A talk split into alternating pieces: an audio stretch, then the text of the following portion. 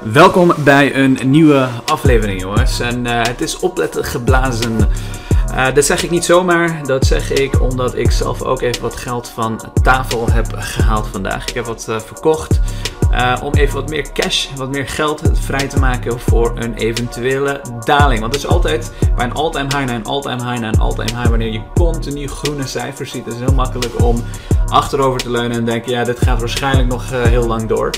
Uh, maar misschien is dat niet zo. En ik ben altijd wat huiveriger op dat moment. Uh, een bedrijf waarvan ik het gevoel heb, daar zijn die waarderingen dusdanig opgelopen, waar zo belachelijk veel optimisme is, dat ik even wat, wat, wat, wat pas op de plaats wil maken, wat meer geld vrij wil maken voor een eventuele dip. Om misschien wel te profiteren van die dip die misschien eraan zit te komen. Ik weet het niet, maar als die eraan zit te komen of andere kansen die zich uh, bieden. En die kansen komen regelmatig als je uh, op de beurs actief bent. Uh, om dat soort bedrijven ook straks bij te kunnen kopen. Dus als je lid bent, dan heb je waarschijnlijk die transactie al gezien. Zo niet, ga naar Discord en bekijk welke dat geweest is. Welk bedrijf ik verkocht heb vandaag. En de reden dat ik dat zeg is. Um, Um, heel veel bedrijven die hebben de afgelopen tijd kwartaalcijfers gepresenteerd of gerapporteerd. En die hebben hele goede cijfers neergezet. Bedrijven als Tesla, geweldige cijfers. Uh, bedrijven als Google, als Amazon, als Facebook, als Microsoft. Al die bedrijven hebben bizar goede resultaten neergezet. Dus al die uh, goede resultaten die zorgen voor heel veel optimisme. Die zorgen voor heel veel... Um, um, Um, uh, ja, eigenlijk dat beleggers een beetje vergeten dat er ook zoiets is als gevaar. Dat er zoiets is als macro-economische zaken die de markt in één klap zo kunnen omslaan. Dan sta je opeens uh, 5, 6, 7 procent lager dan je, waar je vandaag staat. En dat zijn wel de momenten waarin ik dus aan het verkopen ben. Zeker als ik bedrijven zie die echt heel hoog zijn opgelopen. En mensen die vergeten het geweld van de centrale banken. Die centrale banken kunnen toch best wel eh, veel schade leveren. Zo is er morgenavond, geloof ik. Uh, dus morgen ga ik er waarschijnlijk niet over praten, maar de dag daarna. Of als je mij op Instagram volgt, daar praat ik regelmatig uh, over dit soort dingen op het moment dat ze gebeuren. Maar morgenavond uh, zal de, F, uh, of de Fed, uh, ik wou bijna de SEC zeggen, de Fed, de Federal Reserve, die zal een meeting hebben over het afbouwen van de noodsteun. En gaan meer vertellen over met hoeveel ze die noodsteun gaan afbouwen. Of er eventuele renteverhogingen komen. Die tweede wordt niet verwacht. Uh, noodsteun hebben ze al verteld dat ze gaan afbouwen. De vraag is met hoeveel. Als dat veel gaat verschillen van wat de markt verwacht had, als dat een hele flinke percentage gaat zijn, dan kan je nog wel eens een uh, flinke klap zien. Maar als dat echt naar verwachting gaat zijn, dan is die redelijk ingeprijsd. Vandaar ook dat die markten wat enthousiast zijn. Er is niet heel veel um, onzekerheid, laat ik het zo zeggen. Maar die kan er komen. Die, je weet het natuurlijk nooit. Uh, dus het is wel eventjes opgeblazen, uh, opletten geblazen. Ook in Europa zullen centrale banken, de Bank of England bijvoorbeeld, renteverhogingen aankondigen. Die is ook al verwacht. Maar hoeveel dat zal zijn, of er ehm, ja, een groot verschil gaat zijn tussen wat de markt ziet en wat de markt eh, ook krijgt, dat wordt een hele belangrijke. En er zijn mensen die roepen dat die verlagingen best forser kunnen zijn dan dat we denken. Want Um, er speelt toch wel het een en ander, jongens. Dat hele inflatie gebeuren, dat is geen grap. Als je kijkt naar Apple bijvoorbeeld, we hebben het laatst ook erover gehad. Apple, dat heb ik ook op Instagram gedeeld. Uh, die heeft gewoon 6 miljard minder omzet geboekt doordat er een wereldwijde chiptekort is. Die prijzen gaan omhoog ook voor chips. De prijzen worden ook nog eens verwerkt in de iPhones. En dat is 7% van de totale omzet geweest van het afgelopen kwartaal. Als je dat ook nog eens kijkt, dat er vandaag nieuws is gedeeld door het Nikkei, dat is een Japanse dagblad. Die heeft onderzoek gedaan en heel veel verschillende bronnen gesproken die zeggen dat Apple uh, de iPad-productie noodgedwongen moet terugschroeven. Omdat ze gewoon simpelweg minder onderdelen overhouden voor de iPhone 13. Die supply chain issues zijn een serieus probleem. En als de Fed daadwerkelijk denkt dat dat ook een uh, groter probleem is dan dat, dat ze tot nu toe dachten. Want inflatie schijnt ook daadwerkelijk ook de pan uit eh, te reizen. Uh, het is niet erg als je in bedrijven zit natuurlijk die goede pricing power hebben. Daar heb ik gisteren een video over gemaakt hoe je vermogen beschermt tegenover inflatie. Maar die inflatie die zal er wel voor zorgen dat die rentes dan omhoog gaan. En dat er minder noodsteun is en daarmee minder geld in de economie. En dat is over het algemeen gewoon wat slechter voor aandelen. Um, en die sentiment die kan zomaar omslaan. Heel veel mensen die hebben die ervaring niet. En uh, dat zijn de mensen die dan wel op dat moment gaan verkopen. En er komt heel veel verkoopdruk en dat soort zaken. Dus het kan deze week redelijk volatiel worden. Nogmaals, ik weet niet of dat ook daadwerkelijk gaat gebeuren. Maar het kan. Het is mogelijk.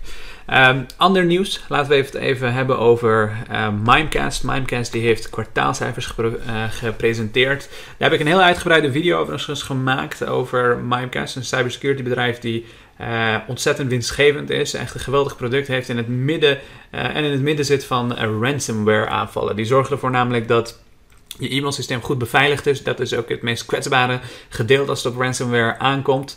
En die hebben kwartaalcijfers gepresenteerd. Ik zal hem hieronder nogmaals voor je linken als je hem nog niet gezien hebt. Die um, wat uitgebreidere video. Daar heb ik een heel analyse gedeeld over wat ik verwacht qua prijzen. En welke strategie Mimecast heeft, wat ze doen. Zodat je gewoon een duidelijk beeld hebt bij Mimecast. Um, maar Mimecast die heeft dus een um, kwartaal profit, oftewel kwartaal winst van 17,6 miljoen geboekt. 26 cent uh, per share, winst per aandeel. En als je de uh, one-time gains en costs, dus de eenmalige kosten, um, uh, eraf haalt, dan is het 40 cent per aandeel. Dus een van de meest winstgevende bedrijven binnen de cyber, cybersecurity space van hun grootte en hun groei. Ehm, de verwachting was dat ze op 33 cent per share zouden aankomen, dus flink hoger dan de verwachtingen. Ook omzet was veel hoger dan wat mensen verwacht hadden. En daarmee heeft um, Mimecast een geweldige resultaat geboekt. De reden dat Mimecast zo winstgevend is, het is een andere strategie dan andere bedrijven. Ze proberen niet um, heel erg veel geld in marketing en dat soort zaken te stoppen. Um, ik vind juist dat ze een hele nobele strategie hebben. Namelijk uh, al hun producten gratis aanbieden, zodat bedrijven daar echte waarde in zien en zien dat het hun onderneming verder helpt. En zodra ze binnenkomen, gaan ze heel veel verschillende producten aan dezelfde onderneming aanbieden om te zorgen dat ze dusdanig veel waarde kunnen leveren dat die bedrijf ook daadwerkelijk blijft. Ze hebben best wel een hoog percentage aan bedrijven die hun contracten bijvoorbeeld uh, niet opzeggen, dus die blijven. Um, maar goed, kijk die andere video, dan snap je hoe een strategie dan in elkaar zit. Uh, maar Minecast heeft hele goede cijfers neergezet. De, het aandeel reageert niet echt ontzettend belachelijk positief. Maar dat komt omdat ze ook de afgelopen, het afgelopen uh, jaar ontzettend hard zijn gestegen. Year to date uh, staan ze van 54%, of 54 per aandeel, nu 75. Dat betekent dus bijna 40% hoger. Als je ook nog eens wat verder kijkt, sinds ergens in maart, dan staan ze gewoon 80, 70 procent eh, hoger. Bij mij in de portefeuille staan ze meer dan 80 procent hoger. Sinds die video staan ze dus echt 80 procent hoger. En Mimecast die blijft waarschijnlijk de komende jaren nog wel groeien. De, alle trends die zetten mee. Um, en ik denk dat dit gewoon een gestage groeier worden, gaat uh, worden voor de komende vijf jaar. Maar goed, laten we zien hoe het loopt. Um, ik heb het dus in ieder geval gedeeld. Check hem als je hem nog niet gezien hebt. Ander nieuws, wat mijn portefeuille vandaag wat meer naar beneden trekt. Uh, min 1,7k staan we vandaag op. 395k staat mijn portefeuille uh, vandaag. En die min komt vooral door onze grote vriend Elon Musk. Tesla, die staat vandaag 4% lager. Op dit moment, ik geloof dat het ook even weer terug is gezakt. Of uh, terug omhoog is gegaan. En nu weer wat lager. Um, Tesla, of uh, Musk, die heeft op Twitter gereageerd en gezegd. Um, laten we even zijn tweet lezen. Ik heb het ook op uh, Instagram uh, gedeeld.